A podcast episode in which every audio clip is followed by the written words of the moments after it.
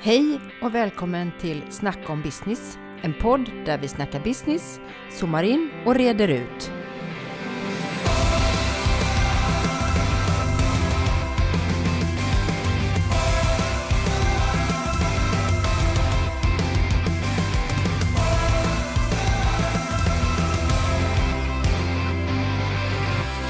Vet du hur många språk som talas i världen eller hur stort svenskan är i förhållande till dem? Eller kände du kanske till att det inom EU finns ett översättningsteam lika stort som invånarantalet i Dals-Ed och att omsättningen för översättning på global nivå faktiskt fördubblats de sista tio åren. Detta och mycket, mycket mer får du ta del om när jag snackar språk med Martin Sandin och Thomas Rösch.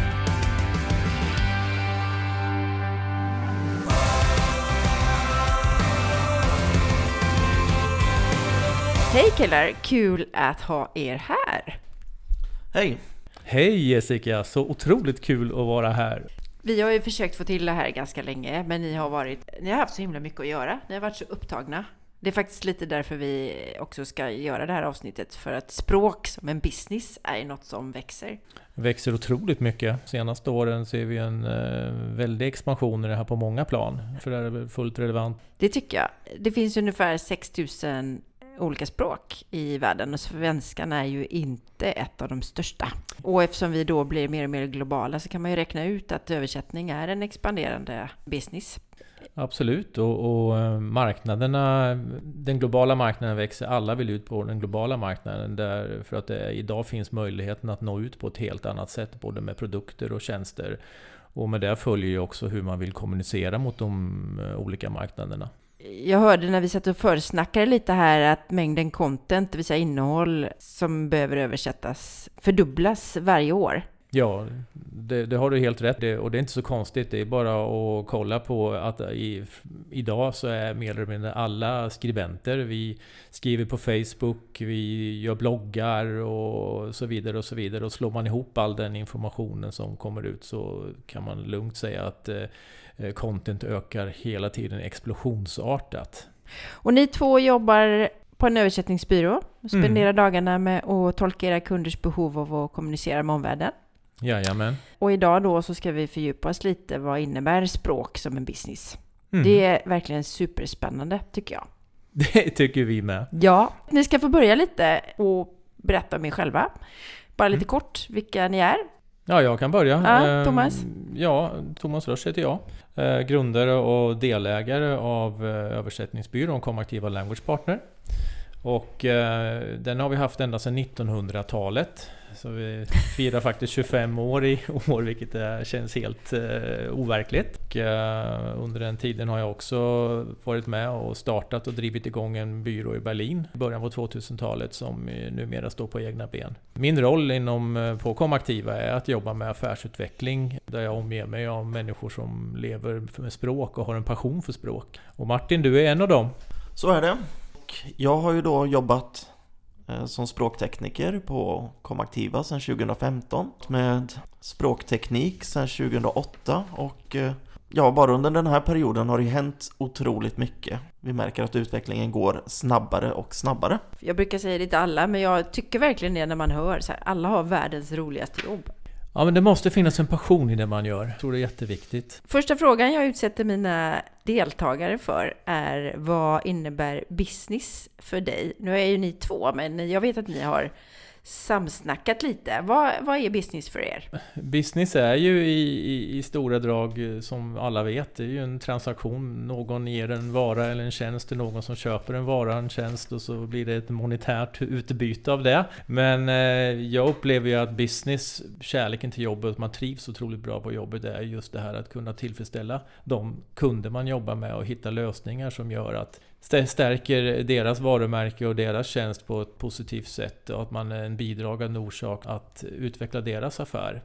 Det tycker jag är faktorer som är otroligt viktiga. Och att man gör det i team. Jag, jag älskar att jobba i team. Och... Håller du med om det Martin? Ja, det håller jag helt och hållet med om. Det är väldigt mycket en gruppinsats det vi gör. Mm. Och eh, det är klart att det finns en dynamik i mötet mellan människor. Ses och vara på samma plats rent fysiskt, det gör det. Så som vi gör idag. Så som vi gör idag, precis. Ja, härligt! Men eh, tack för det! Spännande beskrivning av business som faktiskt eh, livar ganska väl med tidigare beskrivningar. Mm, Det är mm. inte bara pengar, det är mycket annat. Jag håller med. Jag tänker med de orden så eh, kör vi igång. Absolut, nu kör vi! Jag har ett ganska långt eh, frågebatteri här och jag brukar vilja hålla mig till ungefär 40 minuter. Mhm. Men jag vill ändå börja med att värma upp med lite så basic information. Vilka är de, vi kan säga sju största språken i världen? Ja som, ja, som du säger, det här är ju ett ämne som man skulle kunna hacka upp i ett antal olika poddar. Men som svar på din fråga då, eh, så är väl de många språk ganska så självklara för oss som i stora drag, vi säger de sju största språken i fallande ordning kinesiska, spanskan, engelskan, hindi, arabiska, portugisiska och bengali som kanske man reagerar på. Bengali är kanske inte någonting man tänker på varje dag. Eh, nej, precis. Det tänkte jag säga. Jag hade nog tänkt mig mer kanske japanska eller ryska. De, de kommer ju tätt därefter och, och sen är det ju också hur många kan ett språk. Ja. Eh, till exempel Eh, engelskan är ju ett språk som många kan. Ja, för jag hade tänkt mig att det kanske var fler som pratar engelska än spanska. Ja, det, det, det kan man nog mycket väl tro, men spanskan är också ett språk som är på väg framåt och exempelvis i ett land som USA, där pratar man jättemycket spanska. Hela Sydamerika är ju spanska och portugisiska. Hur många är det som eh, pratar svenska? Ish. Ja, vi räknar väl med 10 miljoner. Så räknar vi att det är 7,5 miljard människor på jorden så är det inte så jättemånga. Nej, men om vi säger i förhållande till de här stora drakarna, vi är ett pyttelitet språk. För det finns ju så många olika språk, tänker jag. 6000 språk. Någon, 6000 språk. Ja, man säger någonstans runt eh, mellan fem, plats 50 och 100 kanske för, för svenskan. det är ju faktiskt inte så illa ändå. Nej, det är det ju inte, men det visar ju bara fördelat på alla språk, hur många språk. Och sen ska man också veta att eh, antalet språk blir färre och färre i takt med att eh, de helt enkelt försvinner iväg. De andra språken tar över och dominerar. Om vi tittar lite på översättning då, det vill säga det som är affären i det här. När började man översätta och hur har resan sett ut fram tills det vi är idag? Ja, alltså översätta, det, det är ju det. det. Det är som med språkets ursprung, när började vi prata med varandra? Eh, det kan vi backa hur långt som helst, men att, det man vet är att eh, araberna till exempel på 11-1200-talet översatte väldigt mycket från grekiskan. Översättningen, om vi tittar till Sverige till exempel, så började man översätta på 1300-talet. Mycket anledning var den heliga Birgitta som hade uppenbarelse på löpande band. Och det ville man ju väldigt gärna förmedla för det var väldigt stort. I anslutning till det, reformationen när Martin Luther skrev Bibeln och översatte Bibeln skedde ju samtidigt som eh, boktryckarkonsten vilket gjorde att han fick ut sitt budskap väldigt fort. Vilket också i sin tur då kom att forma tyskan. Likaså som att eh, Gustav Vasa översatte Bibeln till svenska och det är egentligen den svenskan som är ursprunget till den svenskan vi talar idag. Även om inte vi skulle fatta ett smack av vad de säger idag, då, idag. Men det finns ju sådana eh, saker som till exempel eh, Rosetta-stenen som många känner till. Där, som hittades av Napoleons armé någon gång i slutet på 1700-talet. Där man då har grekiska och hieroglyfer. Och den stenen gjorde att efter 30 års funderande kunde man lista ut vad hieroglyferna betyder. Vilket var ett stort steg inom översättningen. Så att eh, det gjorde sina första trevande steg då. I modern tid, och vi börjar komma in på det vi håller på med idag, så kan man ju prata om 1900-talet och framåt. Och tittar vi på den svenska marknaden till exempel, att företag som SKF, Volvo, som började hitta marknader i Tyskland och Frankrike och så vidare, att där började det finnas ett behov av att översätta. Och den delen har ju utvecklats löpande till det det vi har idag. Superspännande. En gammal sten. Det är helt otroligt. Men eh, ja, precis. Och att någon satt och klurade i 30 år för att lista ut det där. Sen Ja. dog han. ja, men han har ändå fyllt en funktion som vi kan vara glada över Ja, idag, ja, eller hur? Om vi då tittar framåt, tillväxten, vi har ju sett Kina explodera och nu är det ju Afrika där man ser att en tillväxt. Hur ser man då på översättningen till Afrika? Är det någonting som, som är vanligt? Det är intressant att du tar upp den delen och jag vill påstå att för våran del är det här en marknad som fortfarande inte är aktuell. Eh, det händer jättemycket på, i Afrika och det är den kontinent man tror mest. Om man ska prata talking of business, prata om business då. Mm. Så är det ju väldigt, man har ju väldigt stora förväntningar på Afrika. Men inom språkbranschen så är det en jätteutmaning. Det är det är mellan 1000 och 2000 språk som talas där. Mm, herregud. Och, ja, det, och vilka ska man då välja att kommunicera med? Microsoft eh, har ju etablerat sig i Afrika och de har ju trattat ner det till 12 språk enligt vad jag har förstått. Och eh, utmaningen som man ser där det är ju just att det i mångt och mycket är talade språk. Vilket gör att om, om, man tittar på spanskan och tyskan, eh, engelskan och många andra språk så finns det ganska tydliga grammatiska regler och vad, vad någonting heter och så vidare. Medan här kan det vara väldigt mycket olika och det är talade språk vilket gör att det inte finns... Det blir väldigt mycket hur man tolkar en översättning vilket är en utmaning. Då. Det finns ingenting på pränt med regler och så vidare? Utan att gå in för djupt på det så nej, det är väl uppenbarligen där vi har en utmaning helt enkelt. Och de språken har en utmaning. Är det swahili man tänker på främst? Du har, du har, som vi är bekanta med här i Sverige, ju till exempel tigrinja. Men du har också andra språk som zulu.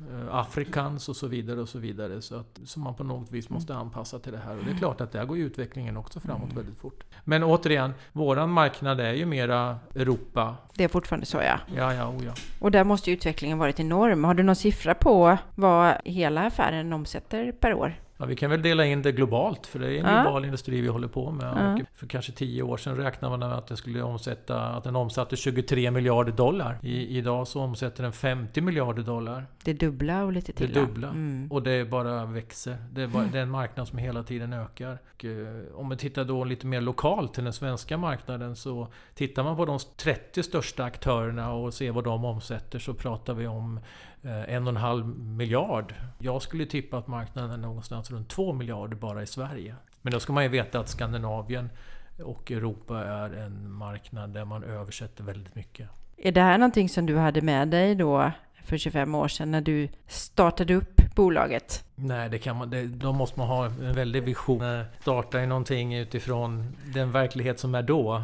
Som vi har varit inne på här lite grann. Det är just den, den, den tekniska utvecklingen som tog många på sängen. Givet. Om vi startade företaget 96. Då, då fanns det inga smartphones och internet. Eh, vi var till exempel väldigt tidiga med att ha en egen webbsida. Det var ju wow! Mm -hmm, mm -hmm, men, mm. men eh, sen har det ju hänt jättemycket sen dess, absolut. Det är ju galet med pengar om man tittar på omsättningen utvecklingen. Och du är inne lite på det, vad det är som har drivit utvecklingen. Digitaliseringen och internet varit en del.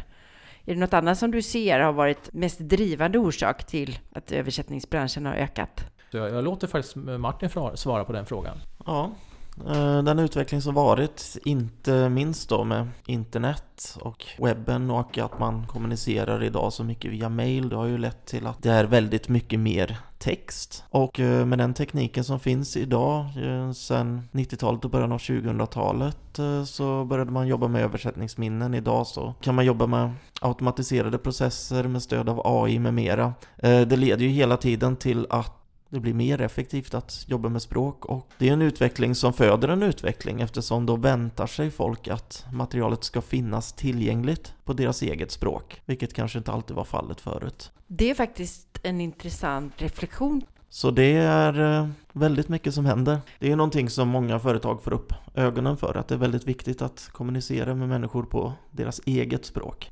Jag tänker också alla de här tjänsterna som kommer med internet. Vi har appar och vi har textning av alla serier som går. Absolut. Och Netflix har ju påverkat underteckningsbranschen väldigt mycket. Mm, det måste det ha gjort. Superspännande. Vad är den största efterfrågan då? Du menar på vilken typ av tjänst menar du inom vår bransch eller? Ja, vi är så jäkla duktiga på, ursäkta nu svor jag, men, men vi är ju väldigt duktiga på att tala engelska i Sverige och vi ser många gånger världen genom de ögonen att eh, alla i världen pratar engelska. Men det räcker ju med att om vi tittar på vår största marknad där det räknas med att svensk export till 70% går ju till EU, inom EU. Eh, bara där finns det en mängd olika länder. Alla talar inte engelska när vi ska jobba med våra varumärken eller om vi har en produkt eller en tjänst och ska konkurrera i Frankrike eller Tyskland, Italien, Spanien och så vidare. Så är det väldigt viktigt att ta med sig den investeringen att vända sig till de här länderna med rätt språk. För att vi konkurrerar inte bara med företag som är befintliga på de marknaderna utan vi konkurrerar även med företag som kommer från andra delar av världen. Och det bästa och mest respektfulla sättet är ju någonstans att, att nå fram till målgrupperna. Det är ju att kommunicera på deras eget språk. Och även att inte förglömma då eh, de kulturella skillnaderna som finns. Hur många språk översätter vi inom EU ungefär? 20-tal eller vad, hur många har vi? Officiellt översätts det till 24 språk. Och eh, det är till och med så att EU har ju en egen sektion med översättare som är på ungefär 4500 översättare. Så de sysselsätter folk en hel del. Ja, som finansieras av EU? Finansieras av EU och eh, av oss skattebetalare så en 20 om året kostar oss att driva det. Så att vi kan eh, läsa vad man skriver i Italien på svenska och så vidare. Det var värst. Ja, ja, det är häftigt faktiskt. Om man då tittar på vår, vårt egna land då, hur många språk översätter vi i Sverige? Det är inte helt lätt att få tag på den informationen, men bara ett område som Hjällbo utanför eh, Göteborg så lär det talas 102 språk, eller ett hundratal språk i alla fall. Mm. Så eh, det är ju en mängd olika språk och det är också en utmaning att översätta så att alla får ta till sig samhällsinformation och så vidare. Det har vi också märkt nu framförallt här vi senast den debatten var uppe var ju i samband med Covid där, där informationen inte gick ut till tillräckligt många. Då. Nej, precis. Så var det ju faktiskt, vilket kan få förödande konsekvenser. Ja, vilket det också gjorde. Ja. Där har vi en väldig utmaning faktiskt. Och, då är vi återigen inne på det också där vi talade om tidigare med, med hur vi översätter och eh, hur det tas emot och hur det förstås. Om man tittar på språket som affär, eh, det finns ju lite olika ben. Vilka mm. är störst? Är det dubbning eller är det vanlig översättning? Eh, film? Ja, sitter och tittar på Martin här just nu. Eh, men, men ja, alltså översättning är ju i grund och botten eh, väldigt stort. Men tittar vi på den svenska marknaden så är ju tolkning jättestort. Mm. Det, det, det, är en väldigt stor del av, av förklarliga skäl. Men jag skulle vilja säga så här, tolkning, då får du göra en egen podd bara om tolkning, för den är helt egen, ja, egen men, värld. Mm, som, spännande. Som, även om vi jobbar med språk eh, så är det faktiskt två helt skilda saker. Vi gör det absolut inte till exempel. Det kräver en helt annan kompetens. Dubbning då? Om man är på semester i Tyskland så får du titta på Arnold Schwarzenegger prata tyska. Det är en upplevelse. Ja. Jag är tysktalande själv och som sagt, jag har bott mycket i Tyskland och se en film med Arnold Schwarzenegger i Tyskland, det är en annorlunda upplevelse. ja. Du kan lägga ut en länk om du vill. Ja, det kan jag göra, absolut. Du nämnde att man är olika skådespelare till olika roller. Är man Arnold så är man Arnold. Ja, men det är helt korrekt. Och, eh, vilket gör att eh, den personen blir ju jätteglad när det kommer en ny film med Arnold, för då har han jobb. Eh, I det här fallet är det en han. och de har faktiskt bytt röst på Arnold. Den tidigare rösten var väldigt ljus, vill jag minnas. Vilket inte alls stämde överens med, med den rösten man känner igen från Arnold. Och det är svårt att göra en tysk brytning när man talar tyska. Frågan är Eller österrikisk i det här fallet då. Har man audition för den rösten? Vet man det? Ja, det kan jag faktiskt inte svara på. Nej, nu kommer vi lite från ämnet. Men jag tycker att det är roligt det också faktiskt. Ja, det, är det här är ju ett, ja. det är ju ett komplext ämne det här. Och, och, att man ändå kan tratta ner det till något så komiskt som att man är Arnolds röst på tyska. Det, Ja, framförallt hela, den, hela det upplägget. På den eh, länken som du kommer lägga ut, där har du 12 olika varianter på hur Arnold låter. Och i vissa dubbningar är rent... Där pratar jag Arnold först och dubbningen kommer sen. Det, det, ah. det är helt ah. absurt. Då får lyssnarna gå in och titta på den. Ja, absolut. Du ser ut som du hade ett tillägg Martin. Det är också en sak som visar på de kulturella skillnaderna mm. mellan de olika språkområdena. Till exempel i Tyskland där förväntar man sig att det talade språket ska vara tyska. I Sverige är ju dubbning inte alls stort med tanke på att vi är så pass vana vid att om det är på ett språk som du inte förstår, eller ett språk som inte är svenska kan vi egentligen säga, så utgår vi från att det är textat. Barnprogram undantaget då, där dubbning fortfarande är en grej. Men i Tyskland där, som sagt, där vill man att det talas tyska oavsett vad var man har spelat in programmet. Så för oss är ju inte dubbning en stor grej. Undertextning är någonting som har blivit mycket vanligare bara på de senaste två åren, säg. Eh, men översättning och språkgranskning eh, i mer traditionell mening är ju det vi sysslar allra mest med. Och men formaten blir fler och fler. Språkgranskning innebär att ni granskar språk Att som... vi granskar en text som är skriven på något språk eller till och med att den redan är översatt till ett språk. Och vi har då en lingvist som kollar att den är grammatiskt korrekt men även en kulturell anpassning, att språket då passar in på den marknaden som det är tänkt till. Och då är det ju viktigt att man som vi idag anlitar lingvister som bor och verkar i det landet där man talar språket. För då håller man språket aktuellt och har liksom den kulturella kännedomen som krävs för att språket ska, ska flyta och kännas naturligt för mottagaren. Skillnaden till det måste ju faktiskt vara de här maskinöversättningarna som finns. Jag vet att jag, när kan det ha varit i början av 2000-talet så jobbade jag på ett bolag, ett franskt bolag och då använde jag ju Google Translate för första gången. Sen har det ju hänt hur mycket som helst. Ser ni att det är ett hot mot den här som du pratade om, lite mer finstilta med lingvister? Hur, hur ser marknaden ut? För oss så handlar det ju ganska mycket om att det kan vara komplement och att det kan vara olika verktyg för eh, olika ändamål. Google Translate har du nog rimligtvis använt första gången eh, 2006 då det lanserades i april.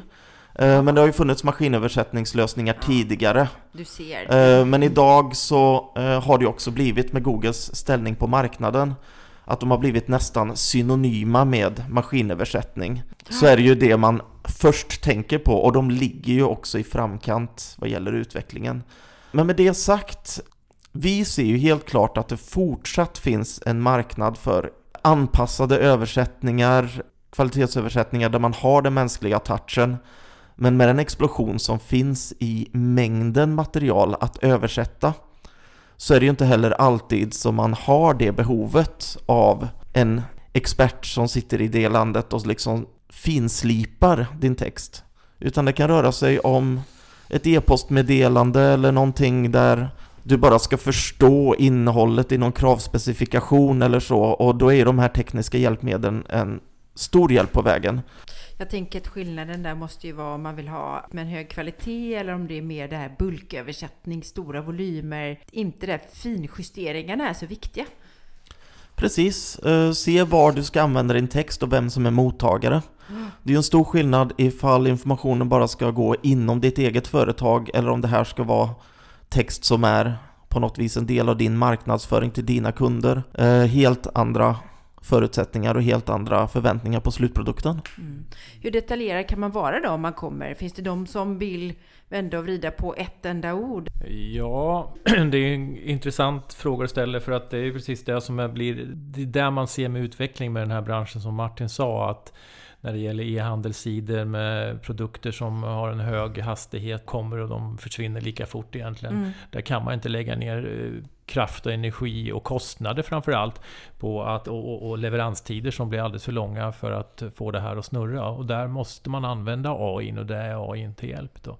Men eh, som du nämner då när det gäller varumärkesbyggande och så vidare då kan det tratta ner till att vi diskuterar ett ord och, att man har ett Teamsmöte med fem sex personer bara för att det ska vara rätt värde i det. Det är och så alltså? Ja, ja, ja. ja, Ja, det ja, kan vara. ja. Och då ska man väl också veta att Eh, när vi översätter, och då är vi inne, återigen inne på det här att väga ord och hur mottas de emot i en annan kultur.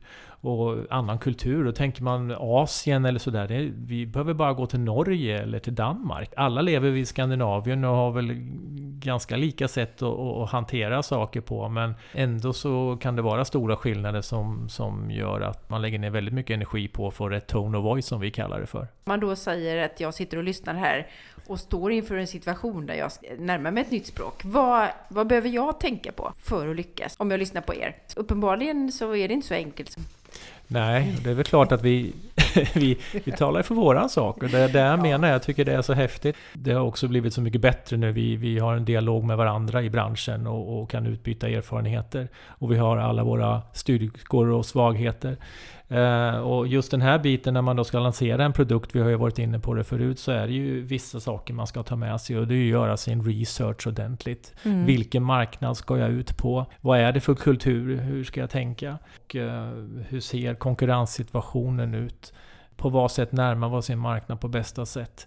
Och då är det vem, vem kan veta det bäst annat än en, en, en översättare som bor i målspråkslandet och översätter till sitt modersmål och kan sitt område. Mm. För det ska man ju också veta. Jag menar branscher kan ju vara allt från automation, bilar, det kan vara säljutbildning. Ja, det, det finns exempel när under de här 25 åren tror jag jag har sett allt. Jag har översatt det mesta faktiskt. Det borde finnas olika jargonger också och dialekter. I Sverige så har vi ju skånskan och så har vi göteborgskan och stockholmska och så vidare. Men framförallt ja, jargonger. De, de, däremellan har vi aldrig översatt faktiskt.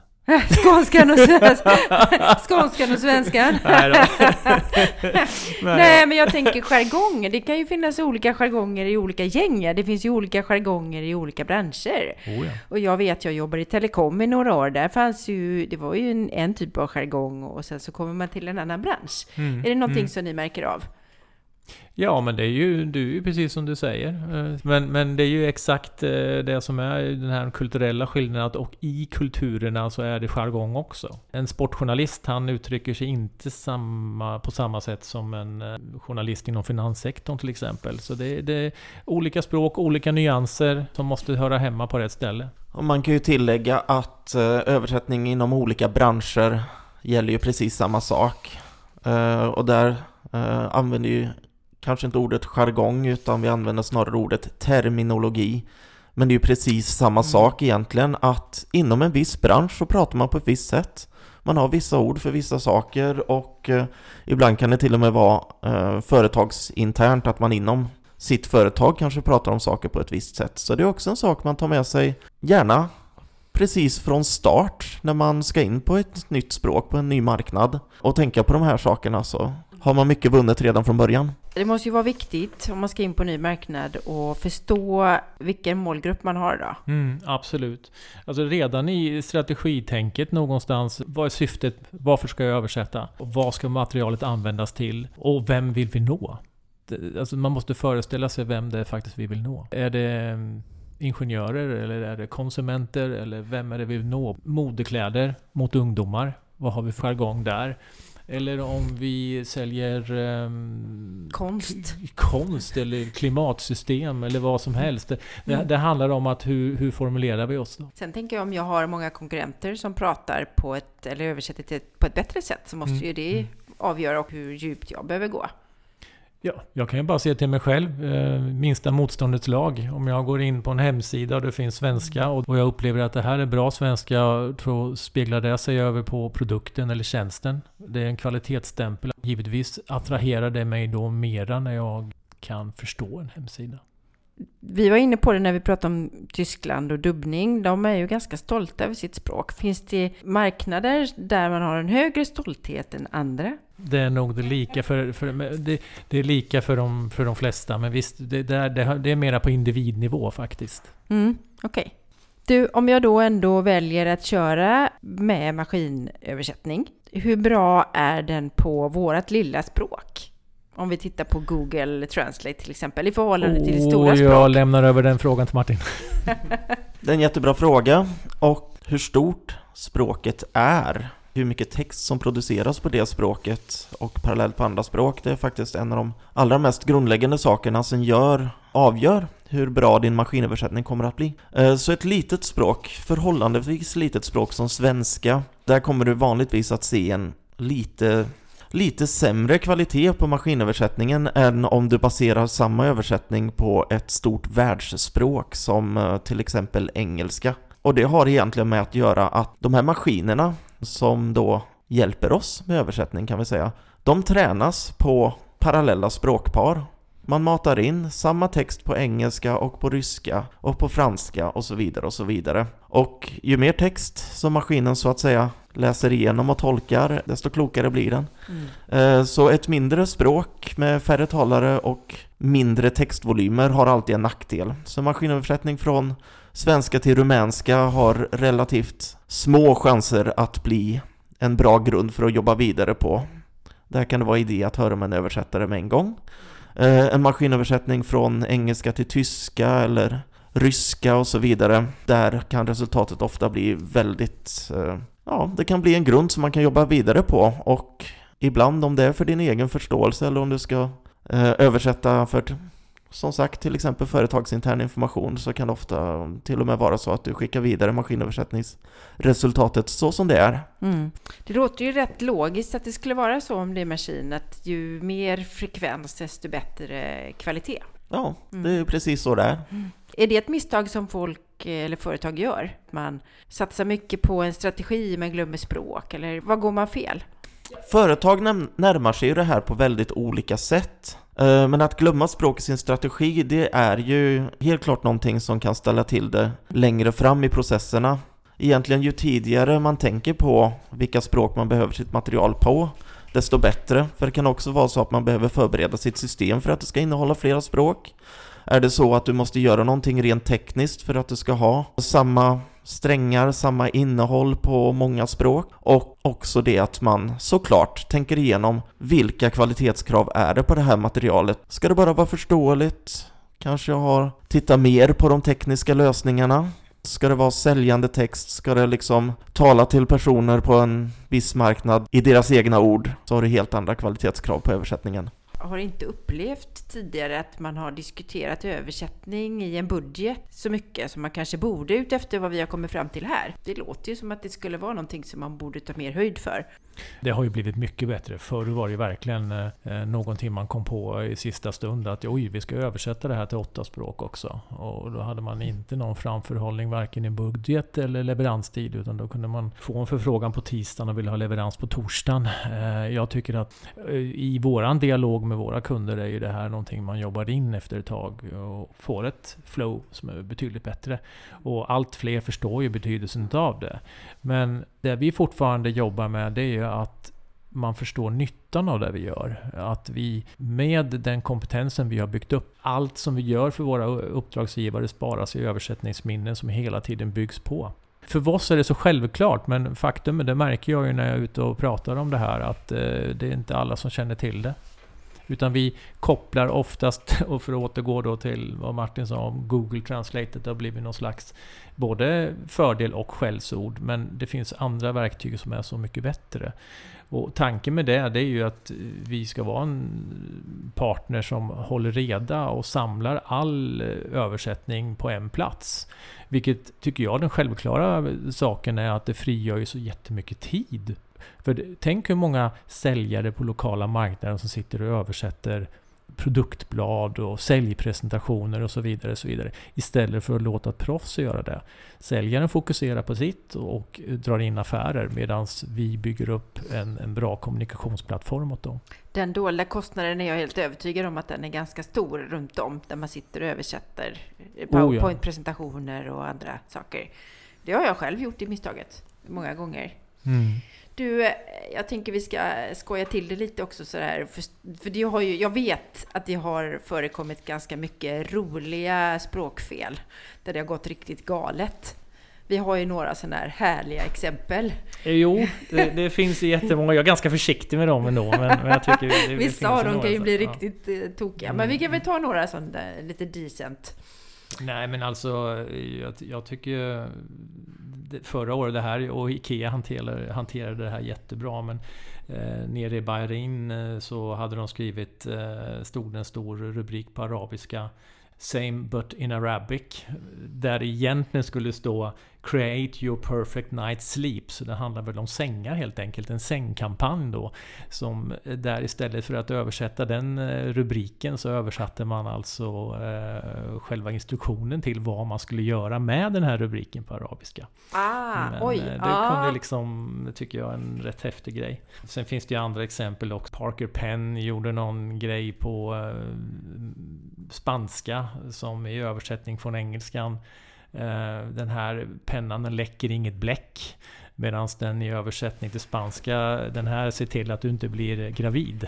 Det är ju så här, ja, det, det, Det kunde ju det, fått det, det kan vara så kallade vilka- falska vänner och liknande. Ja, ja, vilka Mm, stämningar mm, de kunde fått sen när det inte fungerade. Nej. Och sen har vi ju en ganska nylig händelse här som inte undgick någon då förstås. Eh, Det var ju Amazons eh, lansering Ja. här i Sverige. Just det. Den har Den, ju... den en har du också sett, eller hur? Ja, det är en sån Ja. riktig Mm, snackis. Ja, mm, precis. Och det är nästan som man undrar, var det en marknadsföringstrick? Eller Ja. var, det, var det medvetet Ja. gjort? Och på, på ett sätt kan du ju aldrig komma runt det. Men, men grejen är att där ser man att hur viktigt det är att det finns ändå någon som kollar på grejerna innan de går ut live. Ja, för det är väl också en risk man inte förstår. Man skickar och så vet man inte vad som är rätt och fel. Nej. Ja men det säger sig självt om man stoppar in någonting per automatik i en eh, maskin så förväntar man sig kanske att det kommer ut någonting annat i andra änden men eh, det kan ju bli jättetokigt. Och, och tro mig, det finns anledning till att man korrektur och granskar läst, eh, översättningar för att undvika sådana här saker.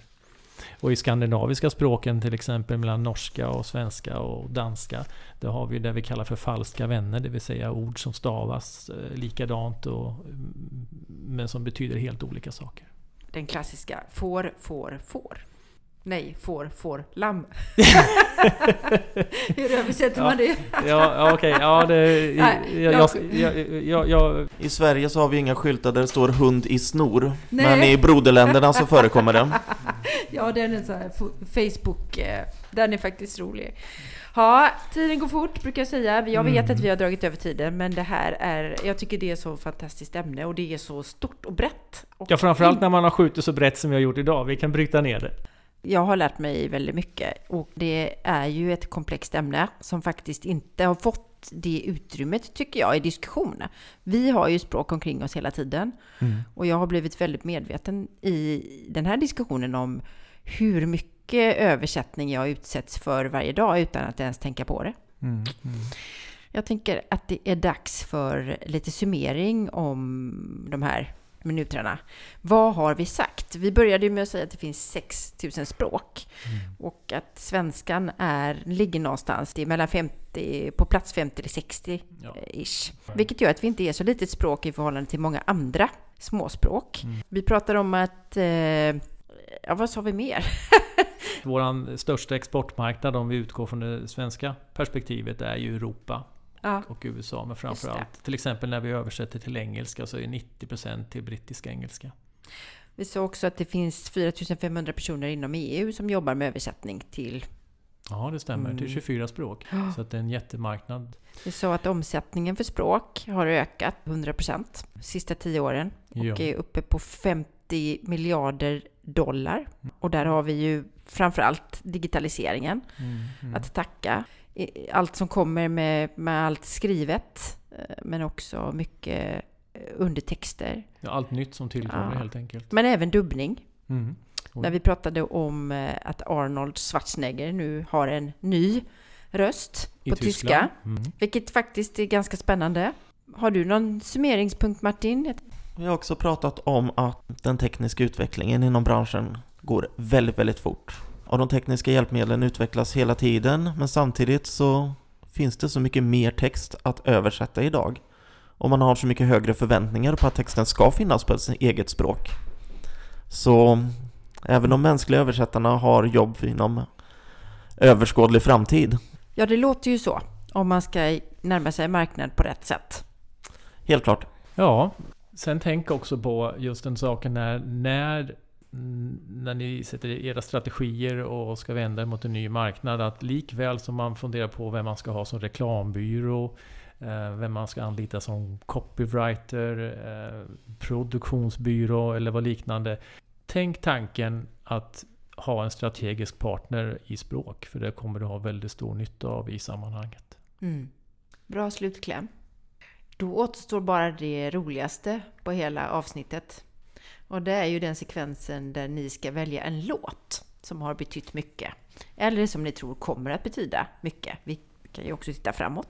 Ja, jag, jag, jag har tingat den helt enkelt. Och en kille som har dykt upp på min spellista nu det sista är Noel Gallagher som jag tycker gör en Ah. jävligt skön musik faktiskt. Mm. Någon låt? Absolut, The Mexican. The Mexican. Men då tackar jag så mycket och så lämnar vi över till The Mexican. Tack så mycket! Tack och hej! Hej då!